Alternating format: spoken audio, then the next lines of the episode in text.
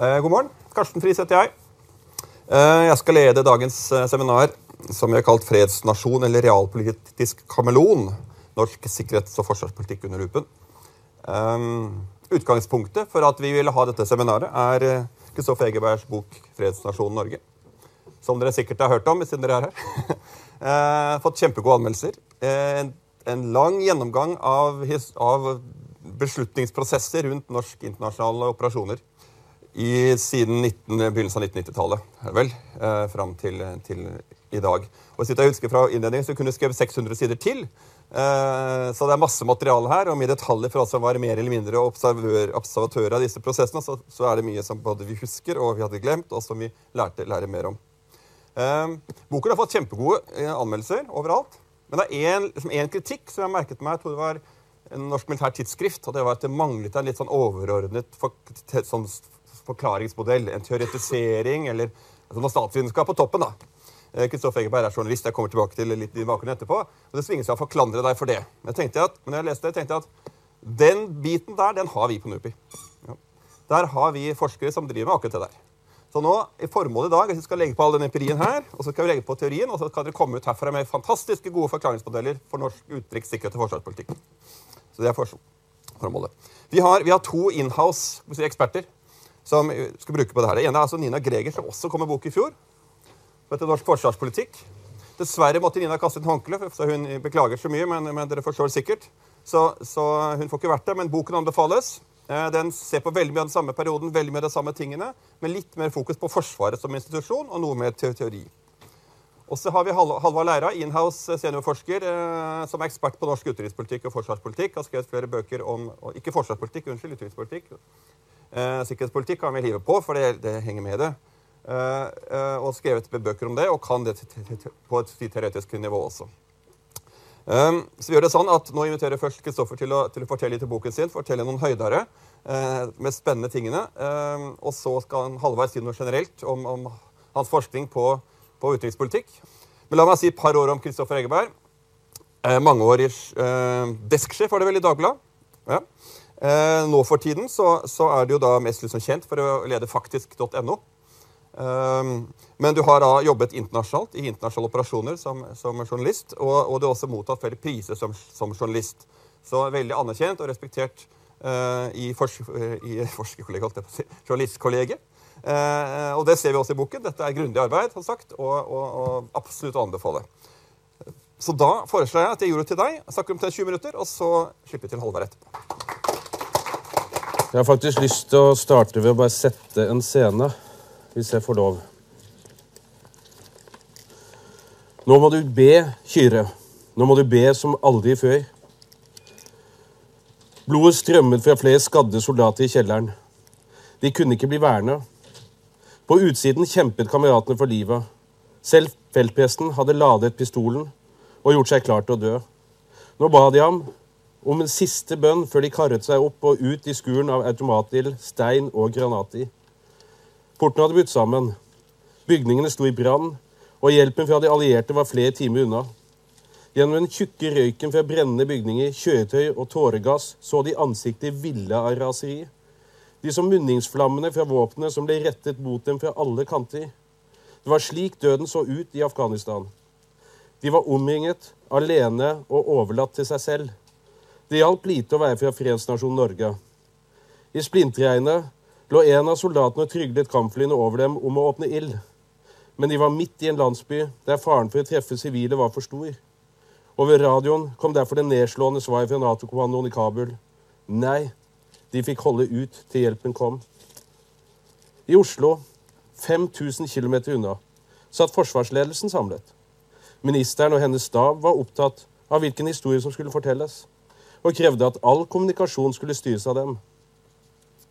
Men soldatene kjempet for livet, og deres sjefer fryktet at de alle skulle dø. Utformet departementet budskapsplattformer, helt uavhengig av det dramaet som faktisk utspilte seg på bakken. De skulle berømme det afghanske politiet. De skulle fremheve betydningen av alliert jagerflystøtte. Og de skulle understreke at de norske soldatene bare benyttet seg av ikke-dødelige midler. Uh, tusen takk for at jeg ble invitert hit i dag. Uh, man blir jo litt så nervøs når det er så mange eksperter og, og folk som kjenner denne historien vel så godt som meg. uh, hei. Eh, men samtidig så er jeg litt stolt, for det har vært et uh, utrolig spennende arbeid med denne boka. Og jeg er veldig glad for at den, uh, den har blitt så godt mottatt.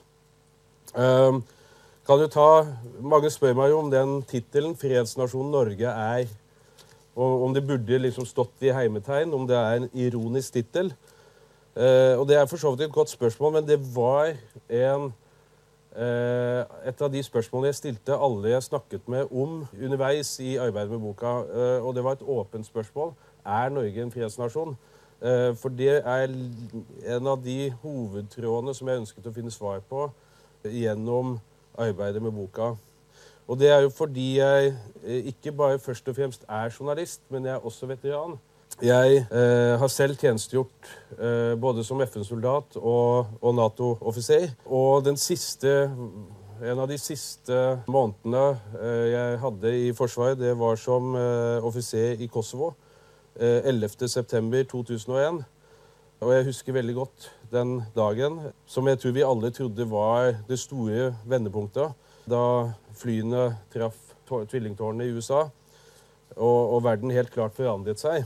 Så når jeg satte meg fore da hva blir det, 16-15 år etter å skrive en bok om norske soldater i utenlandstjeneste, så ville jeg først skrive soldatenes historie. Eh, de vi sender ut. Samtidig så skjønte jeg ganske fort at jeg også hadde lyst til å få med lederne. De som sendte de ut.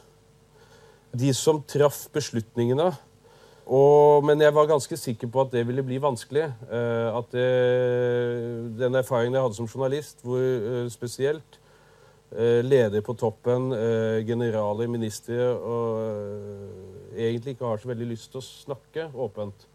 Og jeg var redd at dette ville bli en ganske liten bok basert på mange anonyme kilder.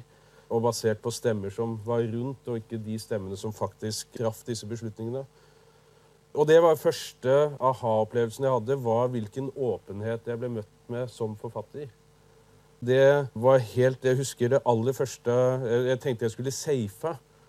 Uh, så jeg skulle finne noen liksom, av de gamle der ute. Så det var Bjørn Tore Godal og, Jan Petersen som var liksom de første jeg tenkte jeg skulle intervjue. For hvis de ikke ga noe, så var ikke det så farlig. For jeg hadde nok soldater og, og, og nok andre fra den perioden som jeg visste ville gi meg god informasjon.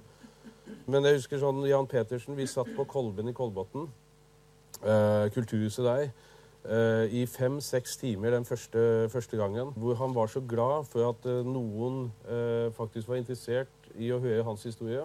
Og ikke minst selv fordi han var redd for at han var begynt å glemme.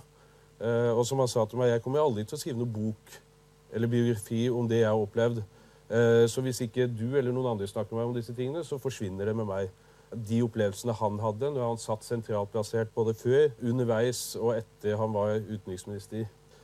Og det ga meg jo en piff. Og etter hvert så fikk jeg jo snakket med alle forsvarsministrene, alle utenriksministrene, alle forsvarssjefene de siste 20 årene. Eh, noen statsministre, og ikke minst de som var i felt, soldater og offiserer. Og de aller fleste sto åpent frem med sine historier og sine betraktninger. Eh, og svarte fyldig på spørsmålet er Norge en fredsnasjon. Så er det to linjer. Det er jo Kan du si jeg sa Jeg trodde jo at Kosovo Nei, unnskyld. At jeg, jeg trodde jo at, eh, at 11.9 var det store vendepunktet. Eh, det var det jo ikke. Jeg fant jo veldig raskt ut at det var Kosovo. Når vi snakker om de endringene som Forsvaret har vært igjennom, og den utenlandstjenesten som vi har sendt soldater til den dreiningen fra FN til Nato, eh, den dreiningen fra fredsbevarende til fredsopprettende eller rene krigsoperasjoner, eh, det vendepunktet skjedde i Kosovo. Eh, Kosovo Jeg kommer litt tilbake til det. Kosovo var igjen noe som allerede startet mye tidligere.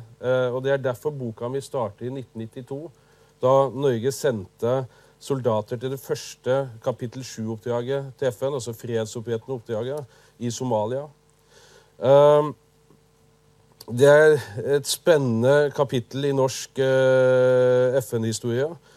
Eh, fordi eh, det er så lite fortalt.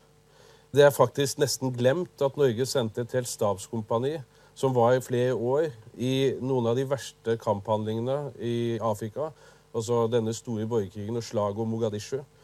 Um, og der hadde vi soldater. De ble sendt ned med kun en ukes uh, forperiode. Med 25 kilo skismørning. Det var lille julaften uh, 1992. Vi sendte soldater til uh, 50 varmegrader. Utstyrt med 25 kilo skismørning, fem juletrær men ikke en eneste skuddsikker vest. Eh, de fleste soldatene var bare bevæpnet med glokk, for det var jo et stabskompani. Og juletrær og skismørning og tunge, eh, mørke vinter, vintertelt var enkelt forklart. Det var jo vinter, så de måtte jo sendes med vinterutrustning. I forsvarsledelsen så var FN-tjeneste og utenlandstjenestene noe som ikke angikk dem. Forsvarets overkommando hadde ingenting med dette å gjøre. De brøy seg ikke. Eh, utenlandstjenesten var skjøvet ut til et lite FN-kontor eh, oppe på, på Onsrud leir utenfor Oslo. Hvor det satt tre-fire offiserer og styrte på håndskrevne lister og, og, og vervet soldater, frivillige fra det sivile samfunn.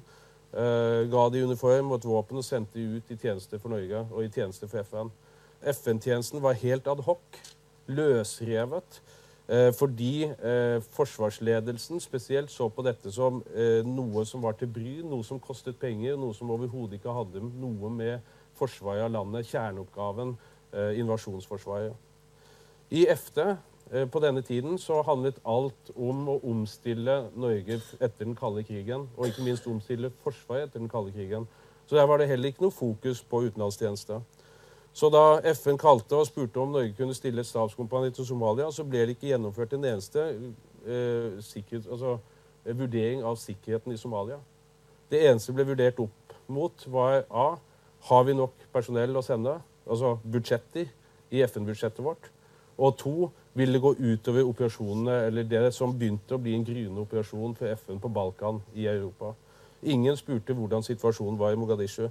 Og Det er jo årsaken til at man kunne sende soldater med skismørning til Somalia. Og, og, som sagt uten evne til å beskytte seg. Jeg snakket med departementsråd daværende Åge Danielsen. Han er fortsatt uh, skarp og oppegående. Og han ble litt overrasket når jeg ringte og spurte han om det norske oppdraget i Somalia. så svarer han det at du, i 1992 så var det helt andre ting som sto på min dagsorden. Det var å få omstilt Forsvaret fra den kalde krigen. Utenlandsoppdragene Norge deltok i, hadde ikke et fokus. Jeg husker ingenting om at vi var involvert i Somalia. Jeg kan faktisk ikke innrømme at vi sendte soldater dit i det hele tatt. Og Det er da den øverste embetsmannen i, i, Forsvarsdepartementet den gangen. Eh, men vi sendte soldater dit. Og det var jo konsekvensen av at vi sendte soldater dit, og at Jørgen Kosmo etter hvert skjønte hvor galt det var Eh, hvordan man hjemme snakket om eh, fred, mens det de sendte soldater til, var eh, regelrett krig. Og han besøkte Han forteller når han kom til Libanon, når han kom til Somalia, når han kom til disse misjonene, kom han til gjennomskutte telt, skadde soldater, og så hva som virkelig skjedde. Det var først da man oppdaget at, at noe måtte skje. Og det var årsaken til at man i, i 1993-1994 vedtok å opprette den eh, første eh, norske eh, reaksjonsstyrken, Telemarksbataljon, eh, kom eh, riktignok eh, sånn kamuflert inn i, eh, i stortingsproposisjonen eh, om visse organisasjonsendringer med videre i Forsvaret. Det var punkt åtte. Det kom etter pensjonsordningen for, pensjonsordningen for offiserer, nei, sivilt ansatte, og før flyttingen av befalsmessa i Trondheim. Uh, der kom det at de skulle opprette en FN-bataljon uh, på 900 elitesoldater som kunne rykke på tre dagers varsel og være helt kampklar innen sju dager. Slik ble det jo absolutt aldri. Så, så det så. Jeg skriver en del om Telemarksbataljonen, som også er en veldig interessant utvikling av dette med å prøve å være elitesoldater, være profesjonelle samtidig som man ikke ønsker å betale for det. Uh, hvor man ønsker å ha vernepliktige på kontrakt som skal gå ut i det sivile livet, men likevel følge plikten eh, og, og, følge kallet eh, hvis man skal rykke ut. Eh, hvordan man i mange mange år slet med i det hele tatt få bemannet et helt kompani i det som skulle være en bataljon. Og det er derfor dette vendepunktet kommer i Kosovo. Det er derfor dette er en så stor milepæl i Forsvarets historie. For da endelig dette krigsskallet kommer, hvor kombinasjonen FN og Nato virkelig må handle, føle et behov for å handle for å unngå et nytt Sevenica i Kosovo, så oppdager man jo da at norske jagerfly kan jo faktisk ikke fly om natten. Og kan ikke bombe mål på bakken. Både politikerne på Stortinget og regjeringen trodde jo at norske jagerfly og norske jagerflyvere var best i verden. Det var jo det de hadde hørt på alle disse inspeksjonene og alle disse besøkene. Men så viste det at de var blant de dårligst utrustede og minst kampklare og dårligst trente eh, flyvåpnene i Nato. Så de fikk bare en gjesterolle i, i Kosovo. Nærmest en sånn fikk lov til å være med for at man var med, men kunne egentlig ikke bidra til noen ting i, operasjonene, i, i luftoperasjonene over Serbia eh, i 1999. Og så kom den neste overraskelsen. Fordi de skulle også blokkere eh, serbiske våpenforsyninger og unngå at de ble, ble forsynt eh, sjøveien. Så eh, Atlanterhavsflåten ble jo satt inn i, i en operasjon eh, i Adriaterhavs, langs Adriaterhavskysten, som da faktisk var en militæroperasjon utenfor Natos grenser. Men det hadde jo ikke Sjøforsvaret noen kontrakter med sine ansatte om. Så minesveiperen som var med denne, i denne flåten, måtte melde avbud fordi ingen hadde kontrakt med å stille til krig for Nato utenfor Natos grenser.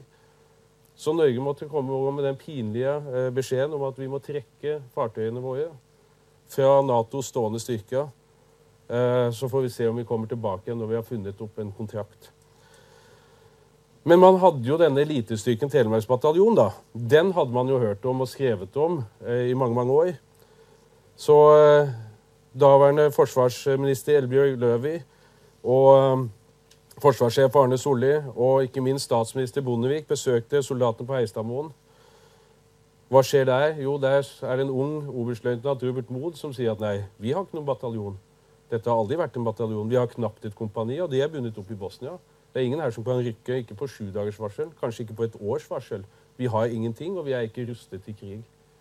Så det var jo det store vendepunktet. Og det som har blitt et mantia, som ble et mantia senere, aldri mer Kosovo.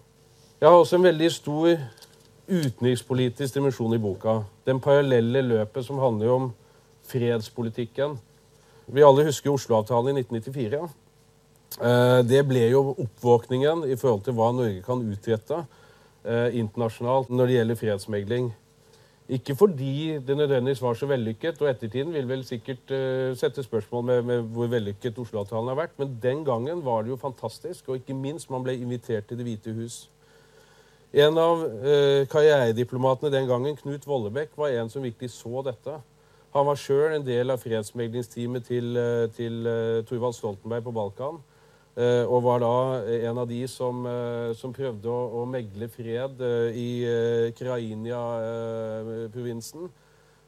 Direkte opp mot Milosevic. og brukte, han ville bruke verktøyene fra Oslo-avtalen og se om de fungerte der. Da han selv senere overtok både som OSSE-formann og utenriksminister, så opprettet han dette freds- og forsoningsarbeidet i UD som et eget verktøy. Og han var en av de arkitektene som så hvor viktig det var å knytte Forsvaret og Forsvarsdepartementet og forsvarspolitikken til dette arbeidet. Hvor viktig det var at det hang sammen hvor vi brukte styrkene våre i utlandet, hvordan vi brukte dem, og fredsarbeidet og de arbeidet opp mot de allierte som man hadde i UD. Fordi det ga oss en plass rundt Nato-spor, rundt FN-spor, og ikke minst en invitasjon til Det hvite hus. Dette var utrolig viktig for Vollebekk. Han sier vi kan snakke om olje, og vi kan snakke om laks, men folk greier ikke å høre så veldig lenge på at en norsk utenriksminister snakker om laks. Og dette var jo det som sådde denne fredsnasjonen Norge-tanken, som sitter igjen den dag i dag. Eh, det er en del andre ting som jeg syns er spennende eh, når man dykker ned i dette. I dette utenrikspolitiske dimensjonen knyttet opp mot Forsvaret Uh, som jeg sa, Oslo-avtalen, Vollebekk, OSSE. Men det er også den konflikten som da oppstår mellom Forsvarsdepartementet, Forsvarets overkommando, altså Forsvarets overkommando, generalene som overhodet ikke vil ha soldater i utenlandstjeneste. Det er til bry Det er en adhoc-operasjon. Forsvarsdepartementet, som kjemper om å omstille Forsvaret, bevare, eh, samtidig som de må fornye. Men da UD, som i stadig større grad blander seg opp i hva man skal bruke soldatene til. Det har et utslag, f.eks. Eh, konflikten mellom general Arne Solli og eh, Dag Jostein Fjærvoll, som var ekstrem. De to snakket nesten ikke med, med hverandre så lenge Dag Jostein Fjærvoll var eh, minister. De to snakker åpent om det i boka.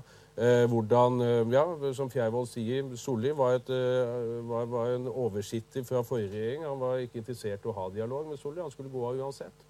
Og Solli forteller hvor ille og smertefullt det var da han ikke lenger fikk komme hver fredag og snakke alene med forsvarsministeren og ha den dialogen de trengte. Denne avstanden var enorm. Og Det var det som førte til at en annen, nærmest usannsynlig figur Eh, ble elevert til forsvarssjef mye senere, eh, Sverre Disen. Eh, Sverre Disen var Arne Sollis siste stikk. Arne Solli ville bevare invasjonsforsvaret. Han mente det var galskap, de kuttene som var. Og for å til slutt vise hvor ille det kunne gå, så utnevnte han oberst Sverre Disen til brigader.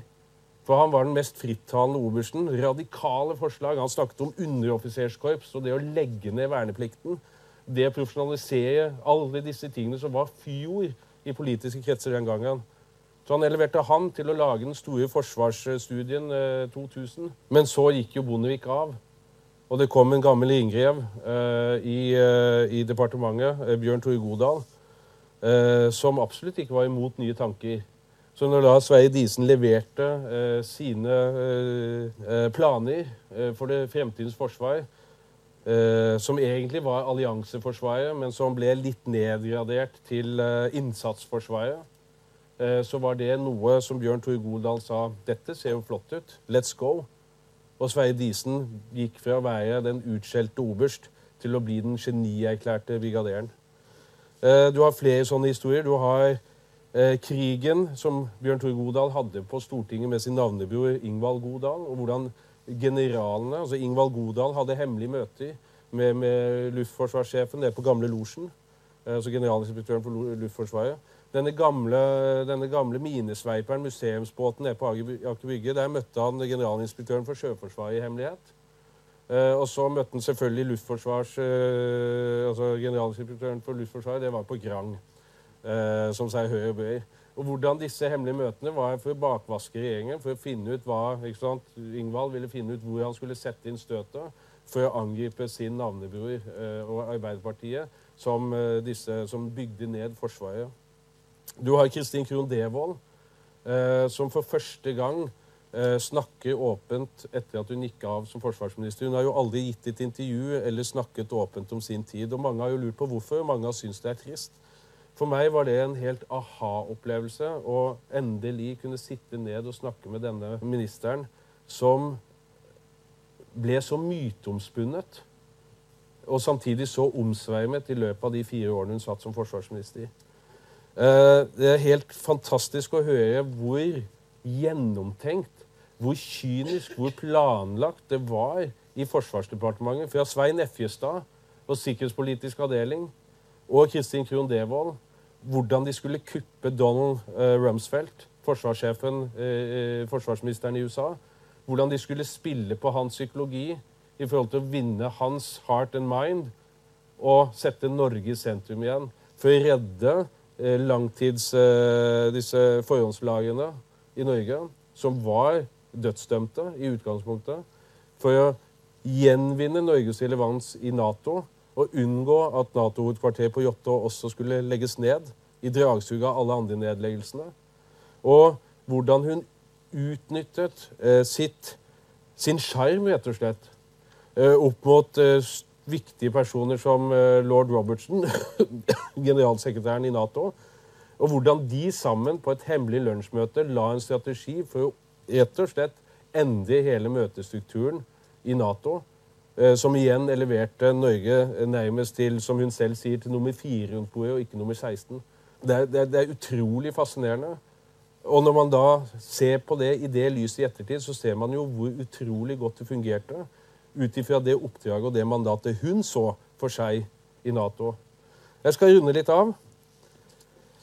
Jeg skriver en del Også selvfølgelig om den rød-grønne perioden.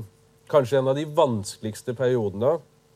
Både for eh, de utfordringene ute var så store. Afghanistan, eh, Irak. Eh, krigen mot terror fortsatt. George W. Bush. Det betente forholdet mellom den norske regjeringen, den amerikanske ambassaden i, i, Oslo og ikke minst eh, Washington. Også om det som skjer internt, for det er da eh, til slutt Forsvarsdepartementet får kontroll på disse jeg si, frittalende generalene, og, og Forsvarsstaben blir lagt under Forsvarsdepartementet til ett felles hovedkvarter. Eh, Sverre Diesen forteller hvordan han eh, ble tvunget til å bruke to brevhoder. Ett da han, eh, ett i kommunikasjonen med departementet og forsvarsministeren. For da var han ikke lenger forsvarssjef. Da var han rådgiver i departementet. Ergo kunne all kommunikasjon unntas offentlighet for intern saksbehandling.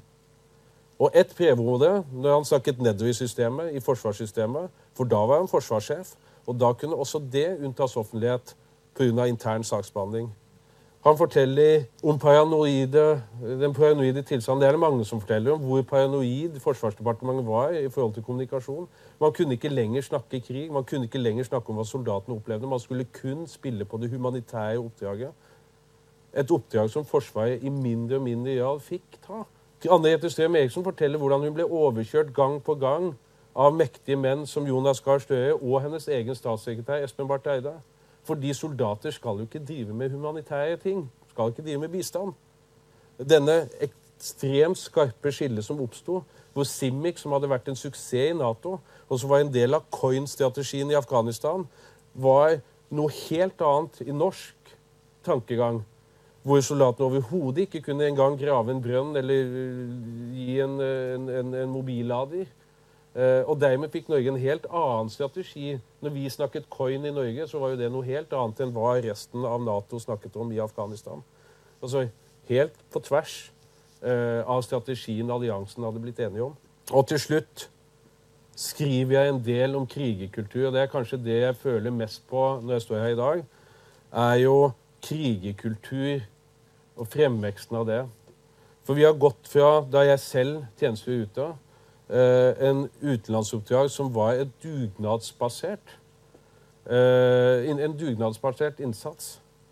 Hvor vi var nesten 2000 soldater ute, de fleste hentet fra det sivile liv. Eh, absolutt ikke å anbefale. Det er ikke, det det er, altså det er ikke noe sånn nostalgi her. Jeg, ikke, jeg kunne aldri ha sendt, blitt sendt til Afghanistan. Det, det ville vært galskap. Og mange burde ikke ha blitt sendt på de oppdragene. Men det vi ble, var jo ambassadører Eh, og ikke minst våre pårørende ble vår samvittighet, vår kollektive samfunnssamvittighet. En garantist på at vi ikke sender soldater på ting som vi ikke tror på lenger. I dag er dette blitt en liten, engere krets med profesjonelle soldater. En liten krets som mer eller mindre er avsondret fra det sivile samfunnet. Som vi ikke lenger snakker med. Som ikke lenger har kontakt. Og som vi har outsourcet vår samvittighet. Vi bryr oss ikke lenger på hvor vi sender dem. Eller hva de gjør. Og det er tankekors. For det er det som koster når vi profesjonaliserer Hæren. Og dyrker en fredskultur. For som en av disse soldatene sier til meg, Emil Johansen, er at nettopp fordi vi i Norge dyrker denne fredskulturen, er vi nødt til å også ha en krigerkaste som kan utføre de oppdragene resten av oss ikke vil. Og det er det vi har fått. Og da er det ikke soldatene jeg tenker på, men det er de vi som sender dem ut. At vi må følge bedre med, for det er lenger ikke noen god kontakt, noen bro, mellom det forsvaret vi har i dag, og de soldatene vi sender ut, og i resten av det sivile samfunnet. Og det var jo det vi hadde den gangen, i 1992, som gjorde at vi til slutt trakk soldatene i, i, i Mogadishu hjem. Fordi vi skjønte at det var galskap, det vi drev på med. Så det var litt om boka. Tusen takk.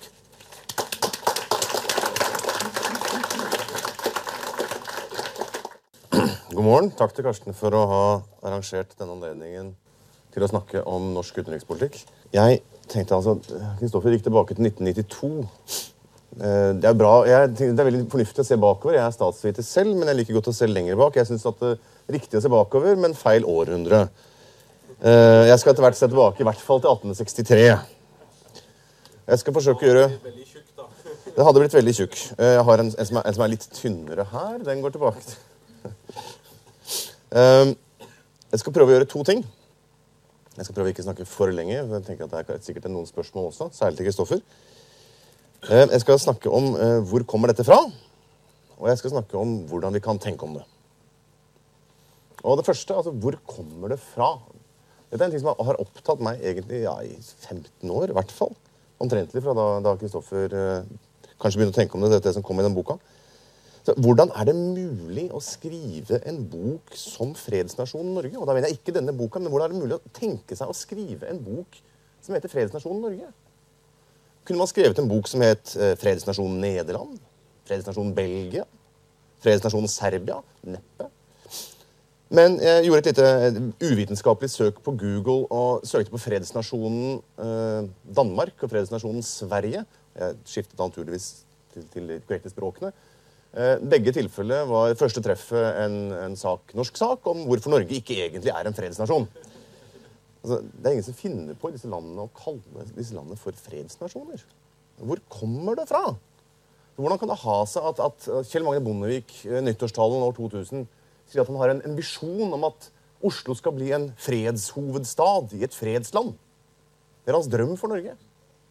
Er to av de ledende utenrikspolitikerne eller utenrikspolitiske aktørene i Norge de siste 20 årene har gitt ut bøker som heter 'Det nytter'.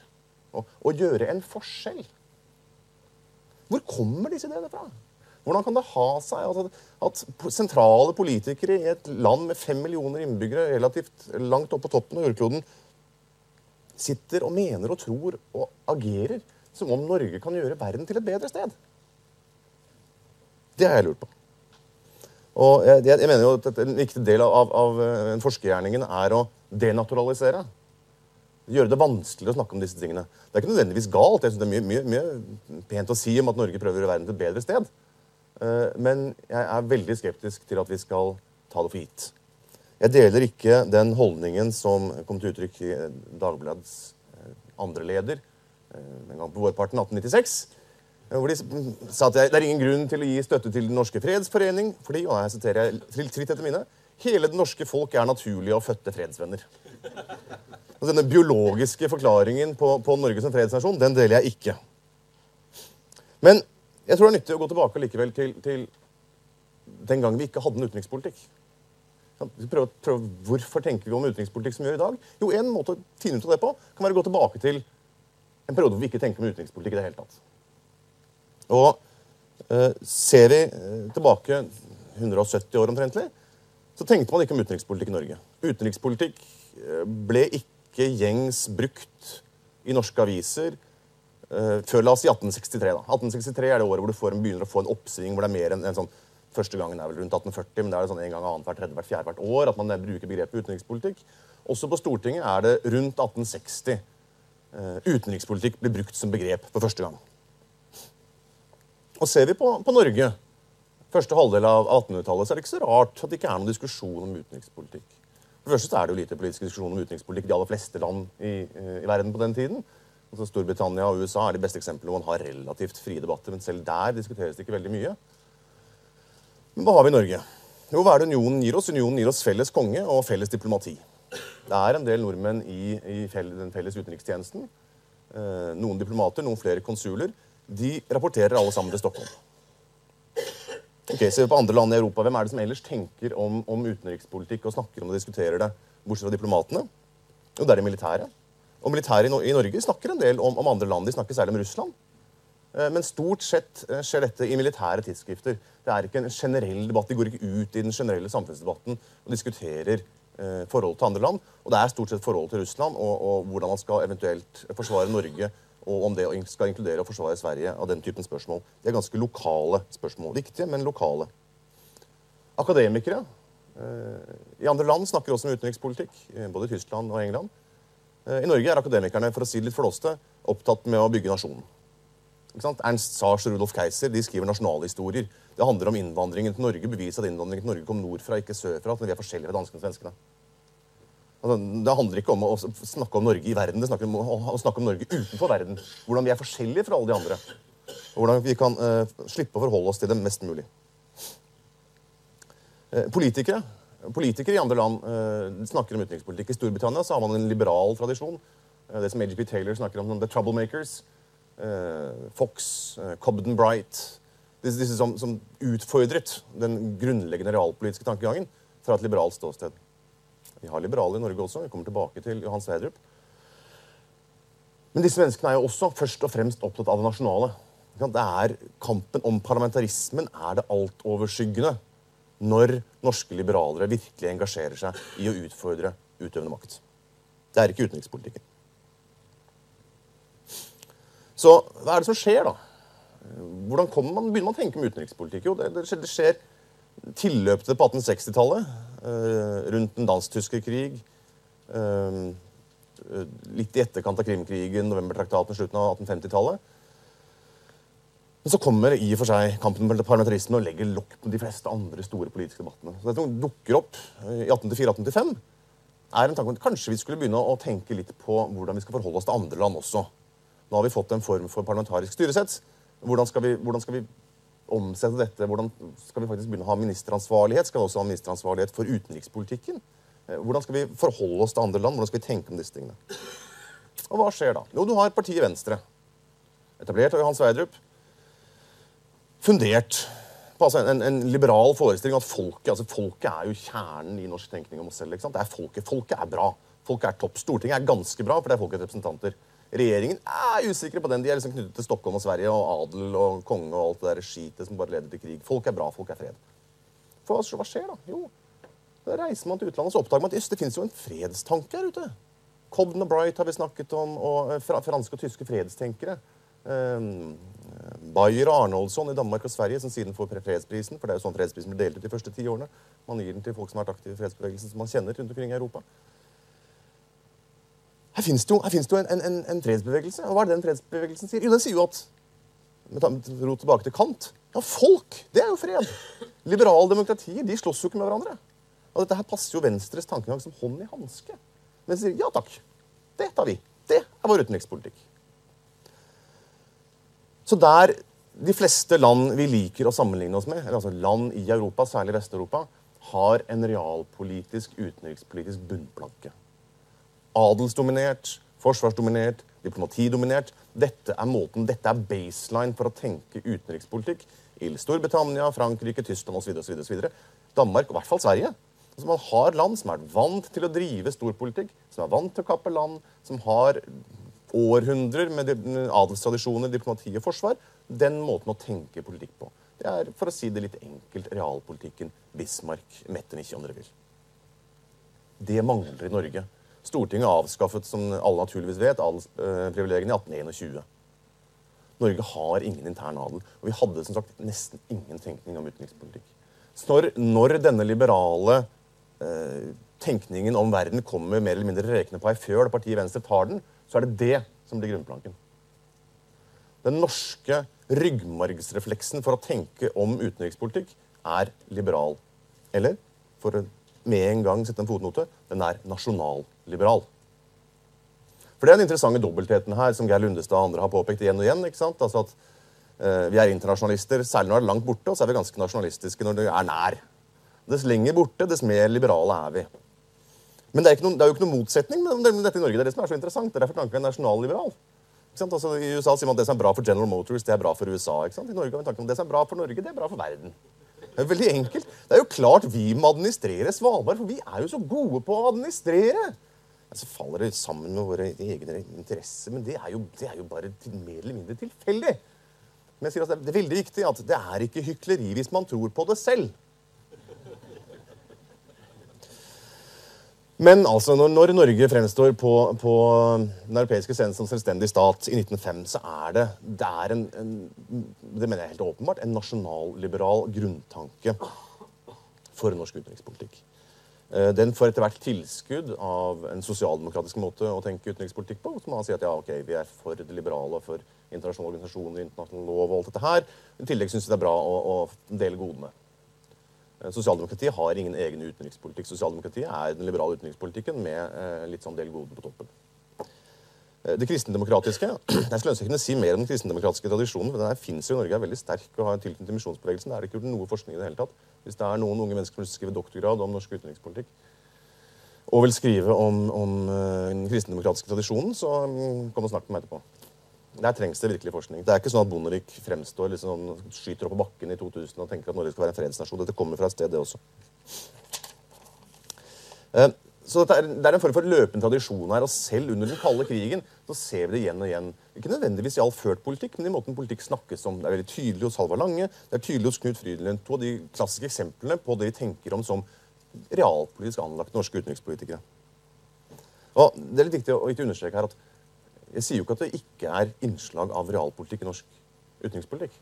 Det ble meningsløst. Altså det, det, men det kommer til å komme tilbake til det. Men det er en bunnplanke. altså, Ser de f.eks. diskusjonene omkring Nato-medlemskapet i 1949? Når Halvard Lange skal selge inn dette på Stortinget, så er det klart det handler om sikkerhet. Man sier også at altså, blir medlemmer i Nato, så har vi ryggen fri. Nå, nå parafraserer jeg litt, da. Så har vi måte ryggen fri til å gjøre de andre tingene vi er så innmari opptatt av.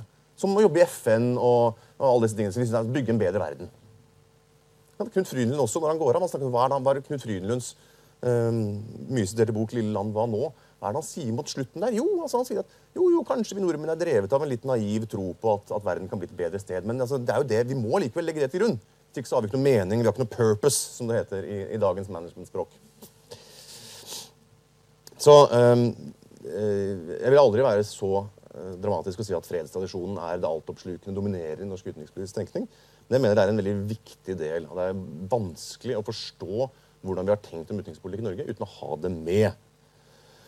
Så ble det reaktualisert uh, på utenrikspolitisk nivå uh, med Jan Egeland særlig på 1980-tallet.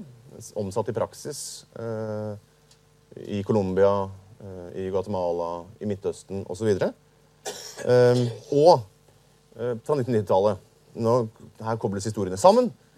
Kobler vi også inn Forsvaret. Og det er de som sier at men, er også interessant i den norske debatten, altså, Norge kan jo ikke være en fredsnasjon. Vi driver jo og selger våpen. Norge kan ikke være en fredsnasjon. Vi, vi driver jo og sender folk ut i krig. Uh, da pleier jeg å be folk altså, kan dere slå opp i leksikon og vise meg definisjonen på en fredsnasjon på hvor det står at Norge ikke kan gjøre dette her. Altså, Norge er jo en fredsnasjon fordi vi snakker om oss selv som en fredsnasjon. Jeg pleide å si at freds, norske fredstradisjonen er mer eller mindre immun mot empiri. Så Den er, den er nærmest sirkulær. ikke sant? Vi, er en freds, vi, har en fredstradisjon fordi vi er en fredsnasjon, og vi er en fredsnasjon fordi vi har en fredstradisjon. Det er sin egen forklaring. Altså, ja vel, ja, så driver vi og slåss. Men den tanken som ligger der, har den interessante sammenligningen i og for seg mellom, mellom, mellom Norge og USA. Altså at Norge er jo et land som virkelig kunne skrevet under på Woodrow Wilsons tanke om at vi skal engasjere oss i eh, a war to end all wars. I krig for freden. Og Vi snakker jo om dette her. Vi går i krig for freden. Og det lyder selvsagt. Det lyder naturlig på norsk. Det er jo superinteressant. Men det betyr, sånn, det betyr at ja, det gir mening å kalle en bok om norsk utenlands militærinnsats for fredsnasjonen Norge. For den setter disse tingene i spill, men det undergraver det ikke. For det er dette diskusjonene om, om, Norge som fredsnasjon. Jeg hadde en student som så på det på, på, på den helt nyeste debatten for noen år siden. Så det er klart, det har vært noen som har ment at Norge ikke egentlig er så veldig fredsnasjon osv. Men, men hovedposisjonene har jo egentlig vært at altså den, Hovedkritikken mot Norge som, som, som, fredsnasjon, hvis du da unntar sånne vanskelige folk som, som meg og Iver Nøymann og, og andre, eh, det har vært de som har sagt at Norge er ikke nok av en fredsnasjon. Vi skal bli mer av en fredsnasjon. Vi skal realisere oss selv til fulle som fredsnasjon.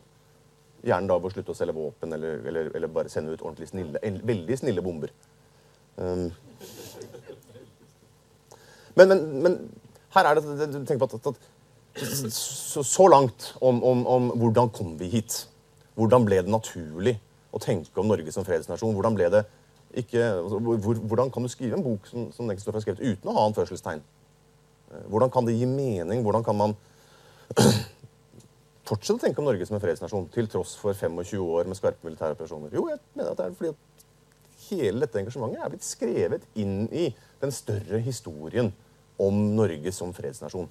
Og fordi vi er en fredsnasjon, så er det klart at det vi jo da gjør Det er klart vi må snakke om det humanitære da. ikke sant? For det er jo det vi egentlig vil. Altså, Vi bomber jo naturligvis så vi kan få jenter på skolen. For å sette litt på spissen. Men hvordan skal vi tenke om det? En ting er å en måte, trekke opp det historiske risset. Eh, nå flyr tiden, og Karsten vil gjerne snakke, han også. Eh, men, men hvordan, skal vi, hvordan skal vi gripe dette? I, i invitasjonen så, så har, har Karsten skissert en, en, det jeg vil kalle en falsk diktomi. altså Fredsnasjon eller realpolitisk kameleon. Uh, ja takk, begge deler, som det heter hos den store filosofen. Uh,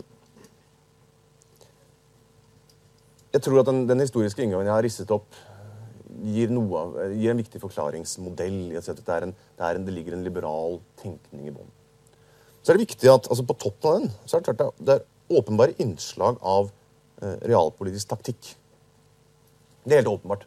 Det, det, er ingen tvil om at man sitter og tenker eh, eller taktisk, i hvert fall, realpolitisk både i Forsvarsdepartementet, Utenriksdepartementet og forsvarsledelsen.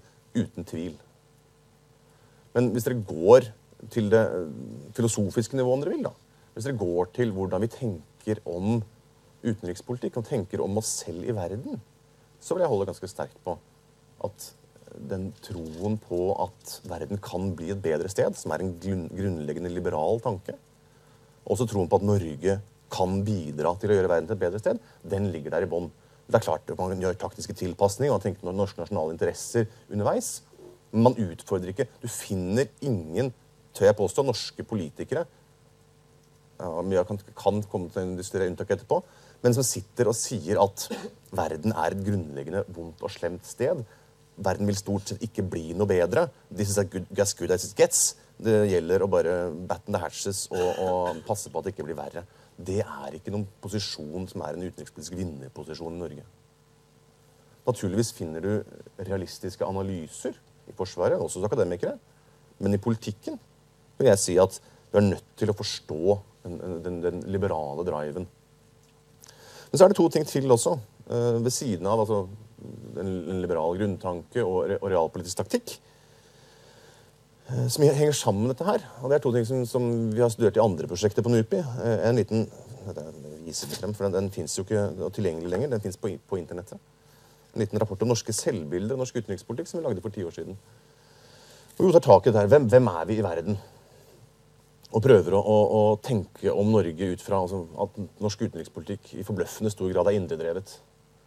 Det handler om hvordan vi tenker om oss selv. At vi skal gi 1 av mm, BNP til bistand. Vi føler oss så bra. ikke sant? Det som Terje Tvedt har, har, kritisert, altså, denne, denne, etikken som er altså, Vi vil gjøre, bare gjøre det rette. Så Konsekvensen er ikke så himla viktig. Men vi vil, vi vil gjerne gjøre det som føles godt. Og, og, mye av det som ligger i fredsengasjementene, er at vi føler at vi må nødt til å gjøre det. Altså, se på hvordan norske politikere snakker, har snakket om engasjement i verden de siste 120 årene.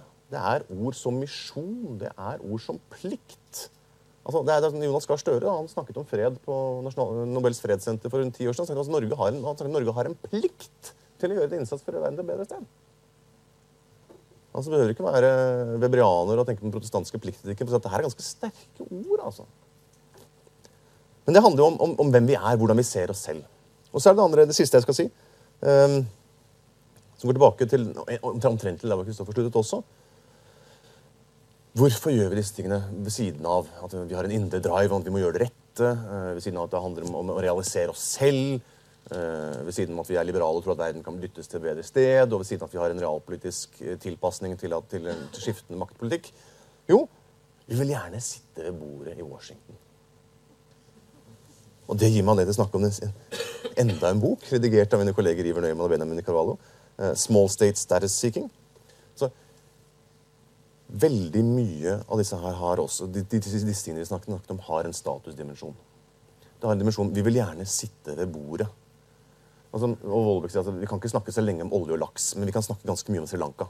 Det var det Jan Petersen oppdaget. ikke sant? Det Var da Høyre for alvor kom med på den tanken om, Norge som fredsnasjon og engasjementspolitikken. Vi kan få snakke veldig mye med Jack Straw og, og Colin Powell hvis vi kan snakke om Sri Lanka. Mye mer hvis vi snakker om oljefisk. Det er ikke det at disse norske utenriksministrene alltid har så mye å snakke om. Men altså, for alle som har vært tenåringer Jeg har en gutt på 14. Det er mye kulere å sitte på voksenbordet enn på barnebordet. Og Norge vil veldig gjerne sitte ved voksenbordet. Ja, hva vi så gjør på voksenbord, er en annen sak. Jeg pleier å si at Norge oppfører seg som en atypisk småstat. Tanken er at småstater vanligvis skal sitte stille nederst ved bordet og til nød ses, men ikke høres. Man pleide å si at Norge oppfører seg mer som en dritings sydenturist. Vi danser på bordet og kaster penger rundt oss. Eh, men vi sitter ved voksenbordet!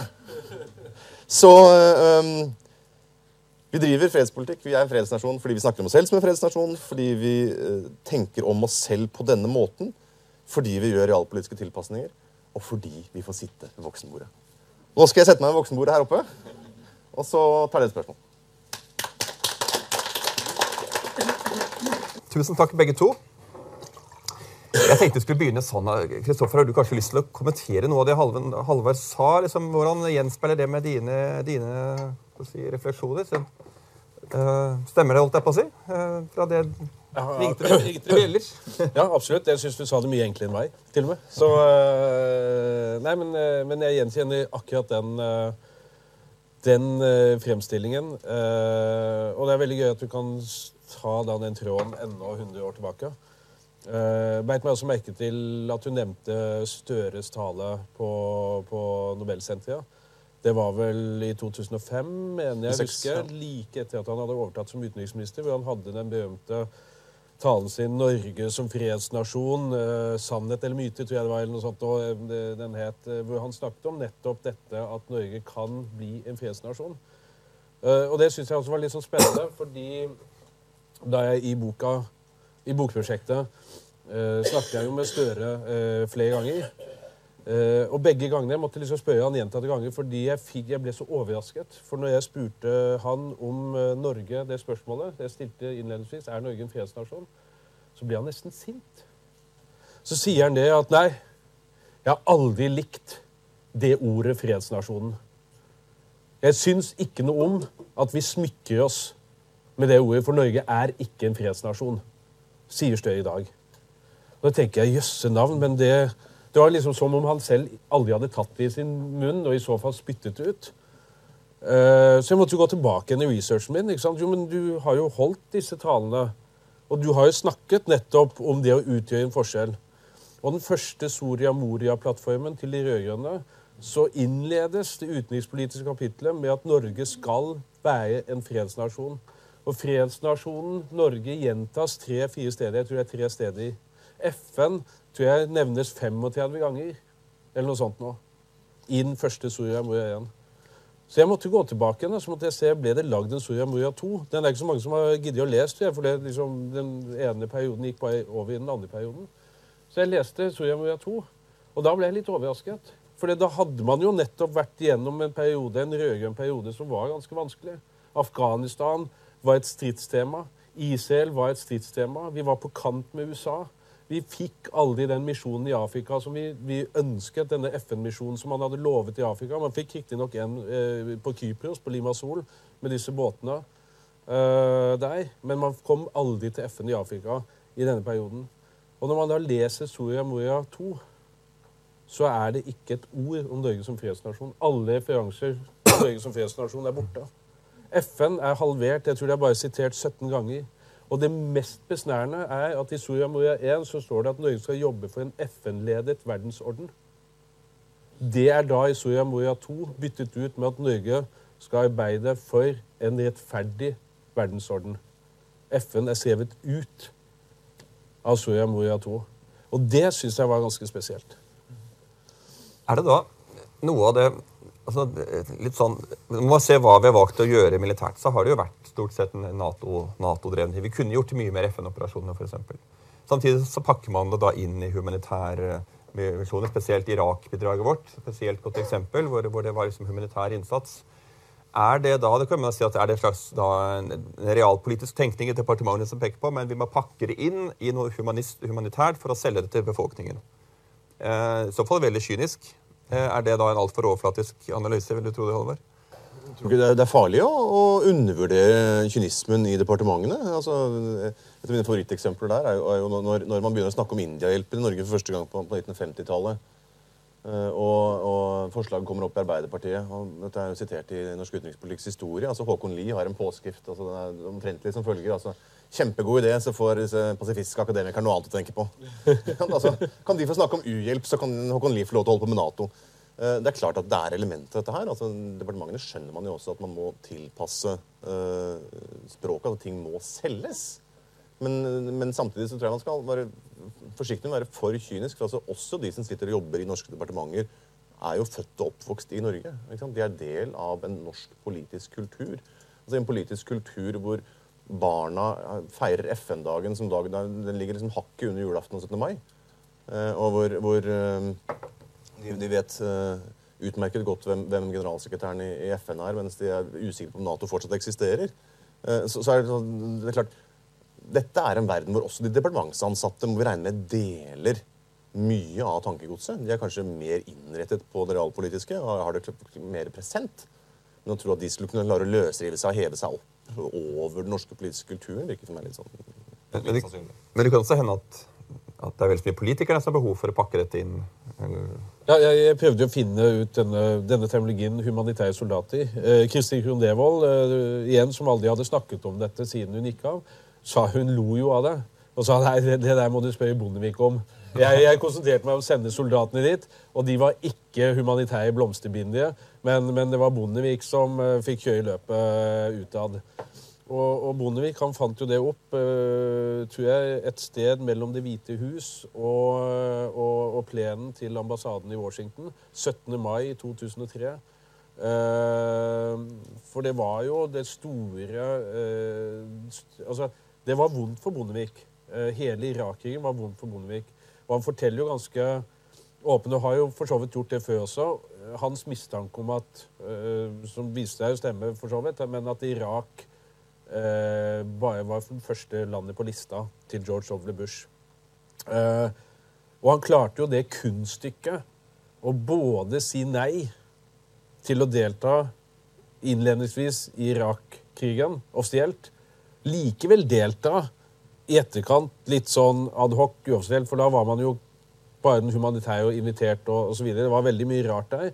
Og bli invitert til Det hvite hus.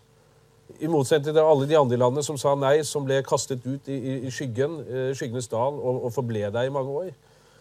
Uh, og det var jo etter dette besøket i 2003 hvor han ble invitert. Han sa nei høflig til, til Bush. Vi kan ikke være med. Uh, og ble likevel invitert til Hvite hus, og det var 17. mai eller 16. mai 2003, tror jeg.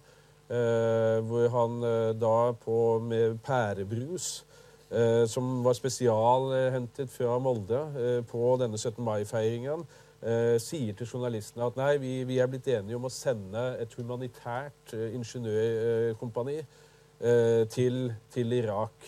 Og, og det klang, klang, veldig bra, og da ble det bare humanitære soldater. Og, og jeg tror ofte at vi kan tenke at det er kanskje ikke så gjennomtenkt. Eh, det har jeg også merket meg eh, i samtalen med disse, at veldig mange av disse beslutningene, veldig mange av disse strategiene, er utrolig individuelt betont. Altså det, er sånn, det, er helt tilfeldig hvordan ting blei som det blei. Her eh, kanskje et ord som klang bra der og da med pærebrus og litt euforisk etter å ha vært i Det hvite hus. Du har andre tilsvarende situasjoner hvor hvor det dukker opp strategier og ting som er helt ut ifra hvem som satt der akkurat da det smalt. Som jeg sa, det var tilfeldig at Sverre Disen fikk den rollen han fikk. Han ble til slutt forsvarssjef fordi han egentlig skulle brukes til noe helt annet. Eh, men fordi gasskraftsaken skjedde, og Bondevik måtte gå av, og det kom en, en realpolitiker som hadde vært utenriksminister, som egentlig bare hadde én jobb, og det var å omstille Forsvaret. Og han syntes dette var en god idé. Det var jo Godal. Det var han som, som kjørte eh, dette omstillingsløpet som Kristin Krohn Devold eh, senere eh, gjennomførte. Og hun var en realpolitiker. Mm. Så fra, fra skismøringen 1992 til i dag så har det skjedd en viss si, modning av norsk offentlighet når det gjelder dette her. Altså, folk er vel ikke, Det har ikke vært like lett å pakke ting inn i humanitære språkbruk lenger. Jeg tror, jeg tror si, Vi er alle klar over at hva, hva, ting, hva det betyr å sende soldater, betyr. Eh, vi har hatt mange, mange, mange falne i Afghanistan. Um, har, har også, liksom, det, endrer det noe av det store bildet her? Uh, er, det, er, vi, si, det, er, si vanskeligere å, å, er det vanskeligere å kombinere fredsnasjonretorikken med det å være, sende soldater enn det det var før? Uh, er det sunt, eller er det uheldig? Uh, vi begynner med deg, Alvor. Ja, det er vanskeligere. altså Referansene til Norge som fredsnasjon uten at jeg har gjort noe, noe grundige studier det virker for meg til å være fallende. Altså, samtidig som jo også utenlandsbidragene er fallende. ikke sant? Altså, men, men det, og jeg, jeg vet ikke om dette skyldes en form for kognitiv dissonans. Jeg tror ikke egentlig det, men jeg tror det, er, jeg tror det har mer å gjøre faktisk med, med de storpolitiske endringene i verden. Altså, det, er, det er vanskeligere å brande seg selv som fredsnasjon i en verden som er i så stor fluks som den der. Så jeg, jeg tenker at det kanskje, altså, Måten Norge tenker om seg selv på, er kanskje i noen endring, men min intuisjon vil være at det har mer å gjøre med eh, de storpolitiske, geopolitiske endringene enn egentlig erfaringen med å være i felt. Det er klart, de Erfaringen med å være i felt har spilt tilbake og vanskeliggjort en del av de enkle referansene til å være fredsnasjon. Men jeg syns det var påfallende at så lenge verdensordenen var relativt kjent og føltes liberal og ganske lang, så var det ikke så vanskelig å snakke om Norge som fredsnasjon, selv om vi sendte soldater i skarpe oppdrag. Det det, men de siste årene har det blitt vanskeligere. Altså, jeg, så min, Ja. min intuisjon uten at jeg har gjort grundig forskning på dette, vil være at det har mer å gjøre med geopolitiske endringer.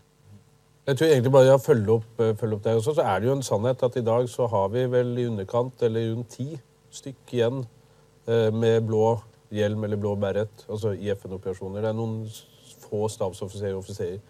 Og kanskje et hundretalls andre soldater i internasjonale operasjoner. Og jeg opplever at man har gått ifra det å tilsløre hva de gjør på bakken, til å i det hele tatt tilsløre at vi egentlig ikke gjør noen ting lenger. Eh, og det er, er bemerkelsesverdig. Altså, det alle har hørt om Telemarksbataljonen som en bataljonsstridsgruppe. Eh, det husker jeg fortalte at den var på 900 mann. Det var det den skulle være da den ble opprettet. Den eneste gangen Telemarksbataljonen har vært en bataljon, det var da Robert Mood til slutt fikk reise til Kosovo med 1200 mann. I dag er denne bataljonen 450 mann. I internasjonal standard er det en bitte, bitte liten bataljon og kan knapt kalles en bataljon engang. Og senest nå før valget så var jo med denne landmarksstudien så var jo forslaget å halvere den og sette de tilbake på kontrakt. Noe som gjentatte ganger har vist seg ikke fungerer. Vi har ingen ute. Og legg også merke til at nå snakker man ikke lenger om hvor mange man har ute. Man snakker om hvor mange og har taket på de man har ute. Det er også noe jeg oppdaget med boka, for det stemte ikke.